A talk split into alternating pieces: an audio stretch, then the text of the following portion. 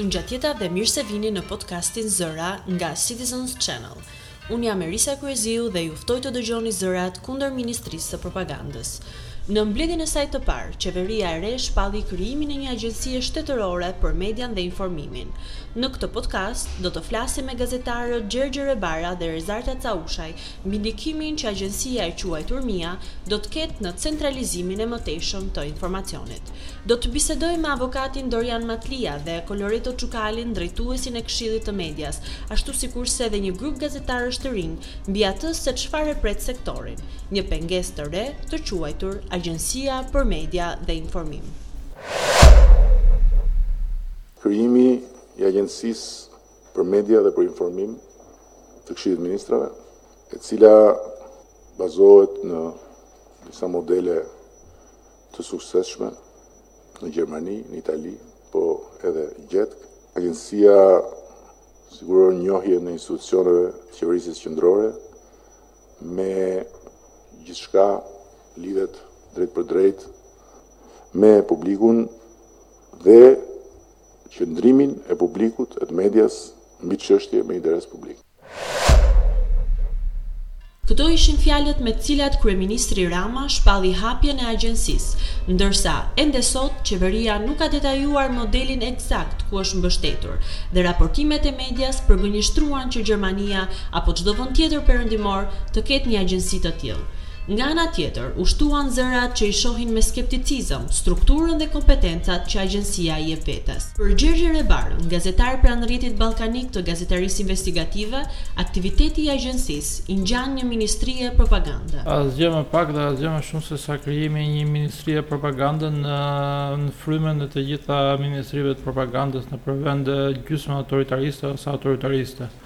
Është një agjenci që i jep të drejtë vetes që me fondet e tatimpaguesve të fillojë dhe të prodhojë informacion të gatshëm pa gazetarë, domethënë pa gazetarë të pavarur dhe jashtë infrastrukturës së zakonshme të medias në një vend demokratik dhe t'ia ngopë këtë informacion qytetarëve kudo që janë, domethënë ndaç në internet, ndaç në median konvencionale.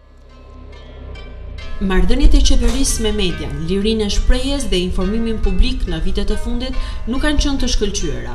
Rënia në barometrin e lirisë së shtypit, zërat lokalë dhe ndërkombëtarë që kundërshtojnë etiketimet kazan, paketa antishpifje dhe tendencat për zëvendësimin e mediave me komunikimet në Facebook branduar me logon private ERTV janë vetëm disa nga sfidat me të cilat përballen gazetarët.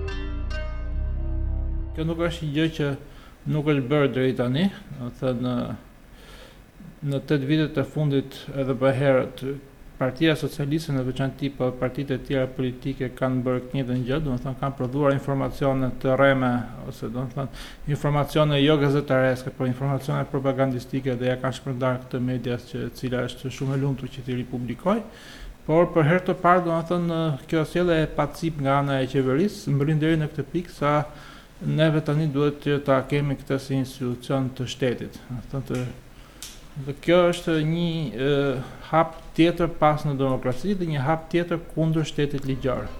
Rezarta Caushaj, gazetare pranë mediumit Exit.al, këtë nismë të qeverisë e konsideron si një formë centralizimi të informacionit, si një proces përfundimtar, pas një sërë procesesh të tjera të ndërmarra deri më tani, ndaj informacionit dhe medias në tërësi. Dhe me rastin e krijimit të agjencisë, tashmë ministritë nuk do të kenë më një zë të pavarur. Domethënë, çfarëdolloj lirie, sado e kufizuar që ishte më përpara, edhe ajo tani po ua heq qeveria dhe po e centralizon. Tani centralizimi burokrat sjell burokratizim dhe centralizimi i informacionit në këtë rast është në radhë të parë është një një tipar i qeverive që janë kryesisht autoritare, sepse qeveritë që janë demokratike, qeveritë që janë të interesuara për të informuar qytetarin dhe për ta bërë palë të procesit vendimmarrës, e kanë informacionin të hapur dhe në fakt qasja është kjo gjithmonë qoftë nga ana e mediave, qoftë nga ana e qeverive që informacioni duhet të jetë i hapur dhe ne duhet të lëvizim në atë kah, po ne po lëvizim në kahun e kundër. A tregon ky vendim i qeverisë gjithë qasjen që ajo do të ketë ndaj medias në 4 vitet e ardhshme? Për Koloreto Cukalin, drejtues i Këshillit të Medias, gjasat janë të tilla. Fakti që është propozuar që në vendimin e parë qeverisë të bën shumë të dyshor që domethënë kjo do jetë praktikisht fryma e gjithë e gjithë mënyrës se si do qeveriset Shqipëria. Dhe si frymë unë mendoj se është shumë shqetësuese. Unë besoj që në pamundësi për të çuar përpara të ashtuquajturën paketë antishpifje, po qeveria po përpiqet të gjejë mjete alternative gjithmonë për të kontrolluar dhe deformuar narrativën publike.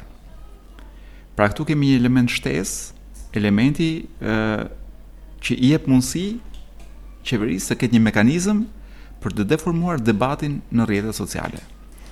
Dhe si mund bëhet kjo? ë brenda ligjit ku kishte shumë probleme, pra çdo nen i ligjit shfaqte një problem vete. Brenda ligjit krijohen hapësira për të monitoruar rrjetet sociale. Ky monitorim i rrjeteve sociale aktualisht ndodh. Ne të gjithë e dimë që ka njerëz të grupuar në funksion të bashkisë së Tiranës dhe të qeverisë shqiptare, të cilët kanë për detyrë vetëm monitorimin e rrjeteve sociale për të parë kush flet, çfarë thotë dhe ë duke ndërtuar pastaj kundër narrativa, duke u përpjekur të zhdukë një debat, duke deformuar një temë, duke sulmuar individë të caktuar të cilët ngrenë problematika, deri dhe gazetarë, pra gjithçka në funksion të prodhimit të një narrative të gënjeshtërt në rrjetet sociale, ku ne e dimë shumë mirë që zhvillohet debati kryesor i shqiptarëve. Në qoftë se deri dje kjo ndodhte në mënyrë, po themi, ilegale dhe imorale, pra është një gjë e papranueshme në një demokraci, që qeveria të ketë institucione monitorimi, tashmë kjo do bëhet e ligjshme dhe po shitet për për për një moralitet të një qeverie gjoja në funksion të transparencës. Të gjithë këta njerëz që mund të jenë me dhjetra dhe ne e dimë që janë me dhjetra, dhe që deri dje punonin të paidentifikuar dhe të fshehur, tani shumë mirë do të mund të përfshihen në organigramën e një agjencie që praktikisht është një ministri më vete. Komisioneri për të drejtën e informimit, institucion i krijuar enkas për të zbatuar dhe mbikëqyrur të drejtën e informimit, nuk është përfillur e as konsultuar në vendimmarrjen për hapjen e agjencisë. Në përgjigje ndaj Qendrës Respublika, komisioneri deklaroi se nuk ka asnjë korrespondencë me Këshillin e Ministrave për këtë vendim. Avokati Dorian Matlija e shikon me shqetësim përjashtimin e komisionerit. E gjykoj anashkalimin e komisionerit për të drejtën e informimit si problem të madh për sa kohë ky krijim i kësaj agjencie prek dhe çështjet e informimit, më konkretisht prek edhe pjesën proaktive të informimit, që zakonisht është ajo që e njofim nga ligji për të drejtën e informimit si, si transparenca proaktive ose le të themi programet e transparencës janë ato informacione që bëhen publike pa kërkesë të publikut, po prek edhe sigurisht edhe gjithë informacionet pastaj që do të jepen në bazë një kërkese, sidomos në rastin e gazetarëve, mediave. Kur bëhet fjalë për përqendrim të propagandës së qeverisë, Ndoshta mund të jetë çështje menaxhimi të brendshëm qeverisë si mund ta organizojë edhe si të dojë pjesën propagandistike. Thjesht do ketë problemet e veta, po nuk ndeshet po themi me me të drejta ligjore të individëve apo gazetarëve, por çështje të informimit pastaj sigurisht këtu futemi në terren tjetër ku qeveria nuk ka thjesht drejta, ka detyra dhe kjo është pjesë e parashikuar që nga Kushtetuta. Krijimi i agjencisë, sipas avokatit Matlia, do të sjellë konfuzion te gazetarët dhe përplasje kompetencash mes institucioneve. Për shembull, rasti konkret, në qoftë se do kemi përqendrim të informacionit tek një agjenci, atëherë gazetarët me të drejtë do të kenë një lloj konfuzioni, nuk do të dinë ku t'i drejtohen më. Do t'i drejtohen koordinatorit për drejtën e informimit që ka çdo institucion, apo do t'i drejtohen nëpunësit, punonjësit të kësaj agjencie që do varet, po themi, nga nga një strukturë qendrore.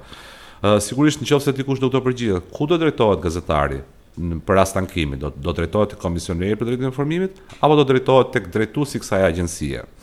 Këtu domethënë problemi është shumë i madh. Por ka edhe një problem tjetër, Jemi dhe në kohë pandemie, kemi domethënë praktikisht një nevojë ekstra për informimin e publikut, ka disa guida të miratuara nga Këshilli i Europës për rastet e informimit në kushte të krizës, ku jo vetëm e drejta e informimit në kuptimin klasik duhet të respektohet po e po, por duhet gjithashtu të të mundohet, domethënë qeveria të krijojë hapësira për konferenca të hapura shtypi, për krijimin e hyrjes së gazetarëve në ambientet ku është e nevojshme që ata të hyjnë, të inspektojnë dokumentat që ata duan, të pyesin autoritetet në mënyrë të pavarur dhe t'aty për atyshme jo me pyetje të parapërgatitura e gjithçka tjetër me qëllim informimin sa më mirë të publikut sepse dimë shumë mirë që në kushte krize ajo që rëndon më tepër krizën është dizinformimi dhe kjo është gjëja më e mirë sipas Këshillit të Evropës, sipas guidave të miratuara nga Këshilli i Evropës për të krijuar po themi atë që duhet të mos krijohet infodemia që Ne e vumë re që ndodhi. Këtu kemi problem ekstra kur përqendrohet informacioni në një dorë të vetme. Një nga problemet e mëdha të drejtës informimit gjatë vitit dy mijë e njëzet ka qenë pikërisht monopolizimi i informacionit në dorën e një personi të vetëm që dhe një akaunti Fejsbuku praktikisht. Mendoni tani kjo të institucionalizohet? Ky është problem shumë më i madh. Sipas vendimit të Këshillit të Ministrave, agjencia ka në përgjegjësinë e saj informimin dhe komunikimin me publikun dhe median, ashtu sikurse organizon punën për të përgatitur qëndrime dhe sondazhe për çështje me interes publik. Një tjetër karakteristikë e përgjegjësive të kësaj agjencie është mes të tjerash edhe kontrolli i publikimeve të mediave dhe rrjeteve sociale, me qëllim që të evidentojë perceptimin dhe qëndrimin e publikut ndaj punës së institucioneve të administratës shtetërore. Gjergj Erebara e paralelizon këtë veprimtari me veprën Pallati i Ëndrrave të Ismail Kadaresë. Pallatin e Ëndrrave lidhet vetëm me një nen të kësaj agjencisë që thotë që agjencia do të ketë për detyrë që të monitorojë mjetet e komunikimit masiv, ku dukshëm Ky lloj termi dukshëm përfshin Facebook-un, Instagram-in, Twitter-in, mjetet sociale për të evidentuar thotë qëndrimin e publikut ndaj qeverisë. Me pak fjalë, kryeministri do të ketë një zyrë për të mbajtur shënim se çfarë tha Gjergji në Facebookun e tij ose çfarë tha Risa ose çfarë tha Lorini.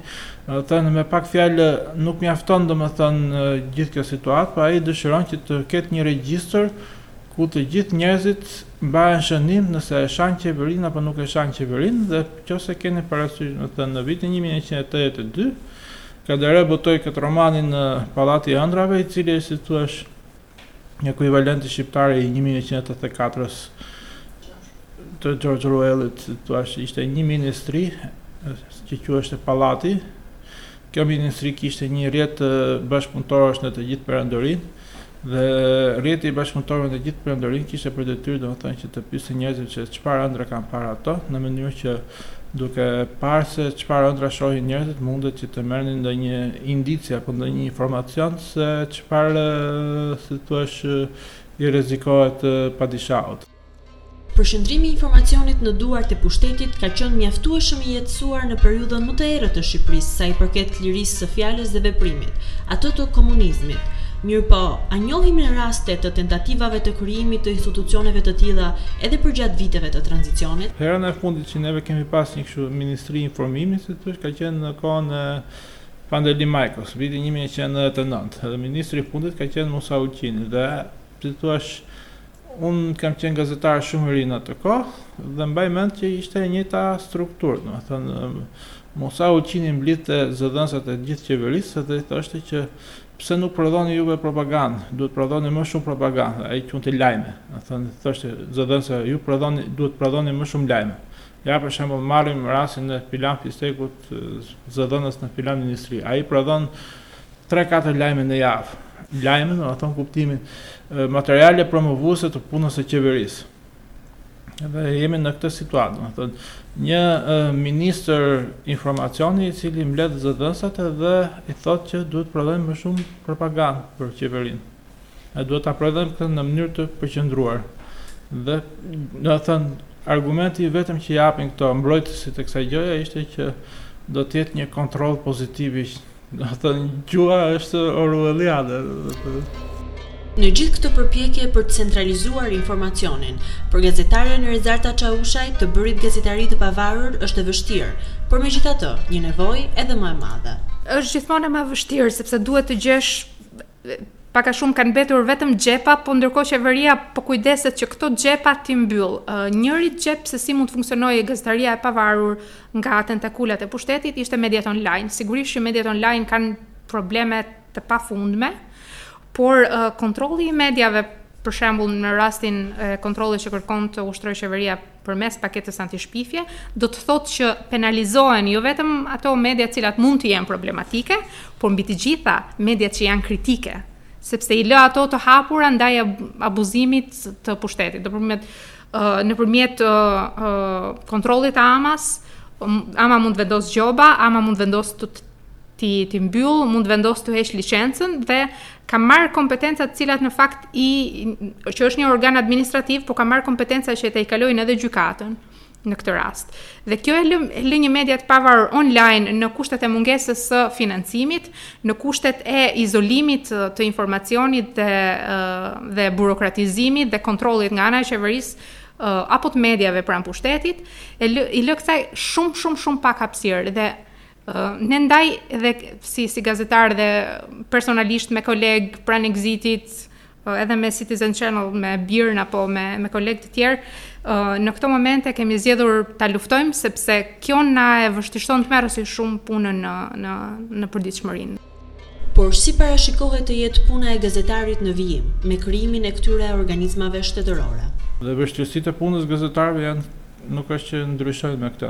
Kanë qenë aq të vështira, qeveria nuk kthen përgjigje, qeveria bën aktivitete të organizuara, të, të inskenuara nga ajo vetë. Gazetarët nuk lejohen të raportojnë në mënyrë të pavarur nga aktivitetet e qeverisë. Kur ka pas raste që mitingjet e Edi Ramës, Garda e Republikës ndalon gazetarët që të hyjnë dhe të jenë atje për të dëgjuar mitingjet e Edi Ramës. Konferencat për shtyp janë gjithnjë e më të rralla. Dhe këto i përkasin vetëm Edi Ramës, ministrat e tjerë nuk kanë mbajtur, nuk, nuk mbaj mend të kenë mbajtur ndonjëherë konferencë për shtyp. Çdo e, informacion që del nga qeveria është i pothuajse, me nuk mund të themi që janë të gjitha, është i konceptuar si informacion propagandistik dhe jo si një informacion që duhet t'i kalohet publikut për emër, për llogari të transparencës. Dhe kjo vijon më tutje, domethënë me atë të ashtuquajturin kodi etik i kryeministrit nëpërmjet të cilit Edi Rama kërkon që t'i mbyllë gojën të gjithë ministrave të vet dhe t'i ndalojë atyre të komunikojnë me gazetarët. Kjo sepse gazetarët sot që kanë një pyetje për fjala vjen Ministrinë e Transporteve Ku e bën këtë pyetje nuk e bën dot asgjëkundi sepse ministria e transporteve nuk përgjigjet për asgjë përveç kur ministres i intereson të bëjë nji video propagandistike nga ato që kemi parë me shumicë domethënë që del duke inspektuar një rrugë po nji gazetar nuk është aty për ta pyetur se sa ka kushtuar ajo rrugë dhe nëse është kryer brenda afateve apo nëse ka pasur tejkalim fondesh apo pse është zvarritur e tjerë me radhë këto gjëra nuk gazetarët nuk janë dot në gjendje që t'ia bëjnë pyetje sepse si të thuash ministria nuk përgjigjet zëdhënës nuk ka dhe gazetarët nuk janë të pranishëm kur ajo bën aktrimin e vet para kameras që e paguan me paratë e taksapaguesve besoj Në terma afatgjatë, Koloreto Cukali argumenton se mediat tanimë do të kthehen në ripublikuese të informacioneve të prodhuara nga qeveria apo kryeministria. Në plan afatgjatë, dëmi që i vjen Shqipërisë përmes këtyre përmes prodhimit të lajmeve nga ERTV-ja është shumë i madh, sepse televizionet do zhduken Pra edhe mediat e mëdha do zhduken. Në qoftë se për momentin ë ose për të kursyer ose për t'i bërë një shërbim qeverisë, këto televizione pranojnë dhe kanë pranuar që të japin ë lajme të marra nga nga ERTV-ja apo linjën feedin të marrë nga ERTV-ja. Qoftë se mendojnë që në plan afatshkurtër kanë kursyer rroga kameramanësh apo gazetarësh, në plan afatgjatë kanë humbur sepse praktikisht po humb filtri i pavarur i, i informacionit, që duhet të ishte një media e pavarur. Por edhe një media e varur gjithsesi filtron informacion. Tani media thjesht do zhduket. Pra, thjesht, mediat nuk do jenë më media, vetëm, po themi, megafon që do përsërisin një lajm që ua ka dhënë dikush tjetër dhe ua ka bërë gati. Dhe kjo humbje e lirisë e medias ndërtohet pak nga pak. Pra, çdo vit, çdo mandat me çdo vendim, krijohet Një vihet një tullë e re në censurë ose në kontrollin e, e informacionit. Ndryshe nga gazetarët, avokati Matlija rolin e agjencisë e shikon më autonome se ministria, e cila jep llogari vetëm tek kryeministri.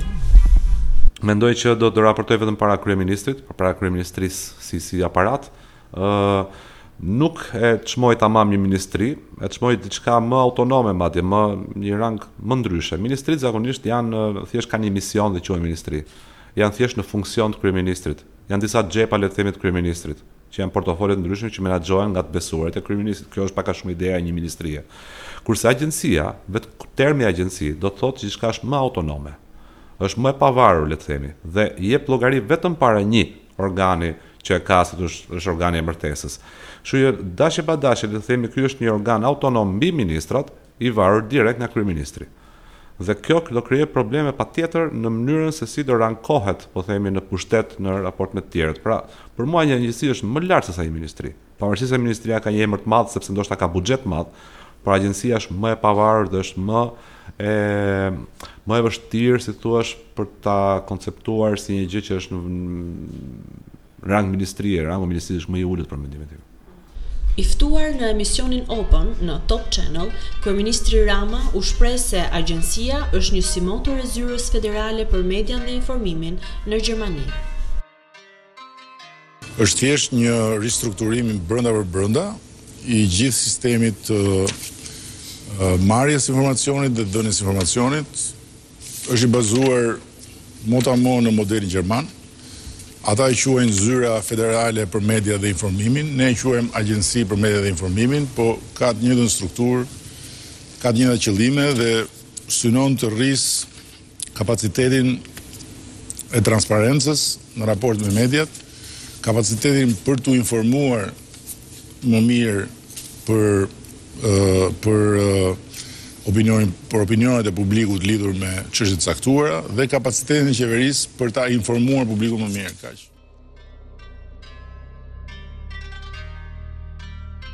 Ne pyetëm disa gazetarë të rinj që punojnë në median online, televizion dhe organizata të medias, për të mësuar qëndrimet e tyre mbi ndikimin që agjencia do të ketë në sferën e informimit publik.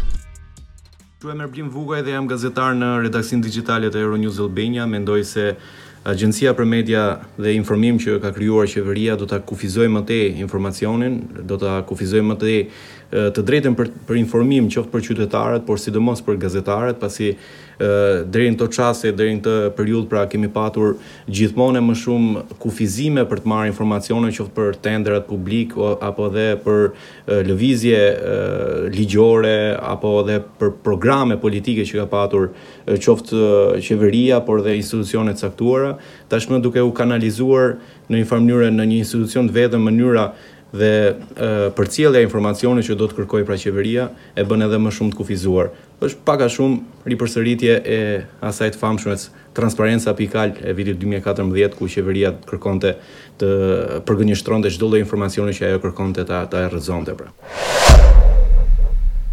Në deklaratën e tij, kryeministri Rama u shpreh se u bazua tek modeli gjerman dhe ai italian. Por, nga lajmi që Faktoje bëri në fund të shtatorit, konstatoi që Gjermania dhe Italia nuk kanë një agjenci të tillë. Në Gjermani ka një zyrë shtypi të qeverisë, por ajo nuk përgjigjet për të gjitha ministritë. Gjermania ka një agjenci, por ajo nuk është agjenci qeveritare, ajo është një organizatë e pavarur kryesisht e gazetarëve, ku ato organizojnë konferenca për shtyp, por pa zëdhënës shtypi, ndryshe nga Agjencia e Medias në Shqipëri, ku pika e parë e komunikimit me gazetarët do jetë në zyrën e Këshillit të Ministrave. Unë jam Sidorela Bakollari, gazetare në ABC News pikë al. Me pak fjalë, përpos ATSH-së dhe Radio Televizionit Shqiptar, paratë e taksapaguesve shqiptarë do të shkojnë edhe për një agjensi e cila do të vendosë se në çfarë këndvështrimi duhet t'i shohin apo t'i mbulojnë ngjarjet gazetarët dhe mediat. Në kushtet kur jemi përballë tendencave për mbyllje të institucioneve dhe qendërzim të informacionit, gazetarja Rezarta Çaushaj vlerëson rëndësinë e advokimit dhe ndërgjegjësimit të publikut si një aleat i rëndësishëm i medias në procesin e llogaridhënies. Pjesa e ndërgjegjësimit ose edukimit të publikut është ndoshta pjesa më thelbësore. Kur ne themi që qeveria kontrollon informacionin, qeveria kërkon të, siç e thashë, të, të kontrollojë mënyrën se si ajo jep llogari, pra të mos japë llogari, dhe të ndikojë mënyrën se si njerëzit marrin vendime, pra të marrin vendime të gabuara që asaj i interesojnë, duke patur një perspektivë shumë të kufizuar njerëzit. Prandaj, duke i dhënë njerëzve një perspektivë pak më të gjerë, është shumë shumë e rëndësishme sepse ndikon në mënyrën e tyre të vendimmarrjes. Dhe kjo është shumë qëndrore. Shumë aksione qoftë shoqërisë civile, qoftë gazetarëve, zakonisht i drejtohen pushtetit, e kanë si si target që t'i drejtohen pushtetit dhe unë mendoj se të gjithë nismat, përfshirë nismën tonë, duhet t'i drejtohen për, më së pari publikut. Domethënë që t'i informojnë më së pari publikun. Uh, është agjenci për informimin. Qeveria ka ka të drejtë formalisht që ta krijojë këtë agjenci sepse ajo ka të drejtë që të riorganizojë strukturat e saj. Por ai çfarë nevoje përmbush në radhë të parë kjo agjenci? Ë uh, çfarë buxheti do të marrë? Cili do të jetë financimi sepse aty për shembull thuhet që agjencia mund të financohet nga buxheti i shtetit, por mund të financohet edhe nga burime të tjera. Tani ne jemi një vend i cili nuk kontrollon dot paratë që hyjnë dhe mënyrën se si ato përdoren. Këtu ky është një fakt, domethënë nuk kemi kapacitete institucionale dhe që do të thotë krijohet një hapësirë aty për paratë e krimit, pastrim parash, Të gjitha këto janë pikëpyetje të cilat duhet edukuar publiku sepse i mungojnë. Qofse publiku merr vetëm perspektivën e qeverisë, kjo është thjesht një një riorganizim në të mirën e tij. Ndodh në Gjermani, ndodh edhe në Itali dhe nuk ka asgjë këtu për të parë më tej, për të parë më thellë. Në aspektin ligjor, vendimi për krijimin e Agjencisë për Media dhe Informim, sipas avokatit Matlia, karakterizohet nga pasiguria juridike. Sigurisht probleme ka, problemi domethënë më i madh juridik është problemi i krijimit të pasigurisë juridike. No, kjo është e qartë. Nuk të, nuk ka ose tamam tamam problemi i qartësisë ligjore që është e lidhur me me konceptet e sigurisë juridike, me konceptet e shtetit të së drejtës.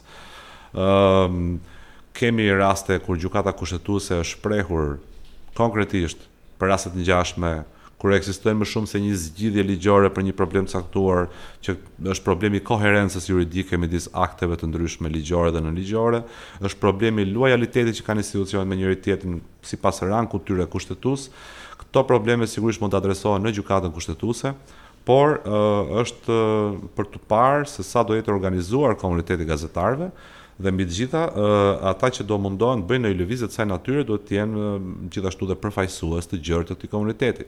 Pra nuk mund t'i lihet në dorë le të themi një subjekti të vetëm, kjo do ketë do dojë një përpjekje të koncertuar mirë po themi midis të gjithë aktorëve që interesohen në këtë fushë. që janë gazetarët dhe mediat. Ë mund të bëhet pra diçka, mund të adresohet deri edhe në gjykatën kushtetuese. Ë sido që të vi çështja, se sido që të zhvillohet çështja në gjykatën kushtetuese, do ketë gjithmonë një përgjigje shteruese, sqaruese ose do të shfuqizohet, sepse ka këto probleme që unë thash, ose gjykata kushtetuese do ta sqarojë një herë e mirë që nuk ka ndoshta arsye për ta shfuqizuar, sepse ajo do bëjë interpretimin e qartë se çfarë do të thotë detyra e kësaj agjencie në raport me drejtën e informimit, për shembull. Pra është një win-win situation, domethënë, po të shkojmë në Gjykatë Kushtetuese. Vetëm se, siç e thashë, do organizim të mirë dhe përfaqësueshmëri të lartë. Nismat e njëpasnjëshme të qeverisë kundrejt medias dhe fjalës së lirë tani më i ka bërë gazetarët më të mprehtë në reagimet e tyre, duke mundësuar kështu lindjen e grupeve të bashkëpunimit që ndërmarrin nisma konkrete kundër tendencave për kontroll dhe heshtje të zërave kritik. Ne kemi nisur një iniciativë tjetër që është vetëm për vetërregullimin dhe është Aleanca për Media Etike, në hapat e parë, por gjithnjë më tepër duke u forcuar dhe që po funksionon. Por vetërregullimi nuk mund t'i ndreqë gjithë hallet e Shqipërisë dhe të medias. Ka shumë probleme të tjera të cilat kërkojnë patjetër sindikata. Ka shumë probleme të tjera të cilat kërkojnë vullnet politik në të mirë të Shqipërisë, jo thjesht e medias, i cili praktikisht mungon. Sepse çdo qeveri që do vi tjetër shumë mirë mund ta mbajë këtë këtë agjencinë e informacionit, se do u bëj punë edhe atyre të tjerëve. Të gjitha kërkesat drejtuar institucioneve publike për transparencë mbi mënyrën e krijimit dhe funksionimin e Agjencisë për Median dhe Informim, Deri më tani nuk kanë marrë asnjë përgjigje konkrete. Ministria e Drejtësisë refuzoi të bëjë publik qëndrimin e saj për Qendrën Res Publica, duke e konsideruar konfidencial mendimin e saj si anëtare e Këshillit të Ministrave, ndërsa ende nuk është bërë publik relacioni shoqërues i këtij vendimi. Në këto kushte, i vetmi informacion zyrtar në dispozicion të publikut dhe medias është vetë vendimi dhe komentet e kryeministrit në daljet e tij televizive. çka mund të shihet si një tjetër tregues i mënyrës se si vendimmarrjet i komunikohen publikut. Na ndiqni në Zëra nga Citizens Channel për të dëgjuar atë që ka rëndësi.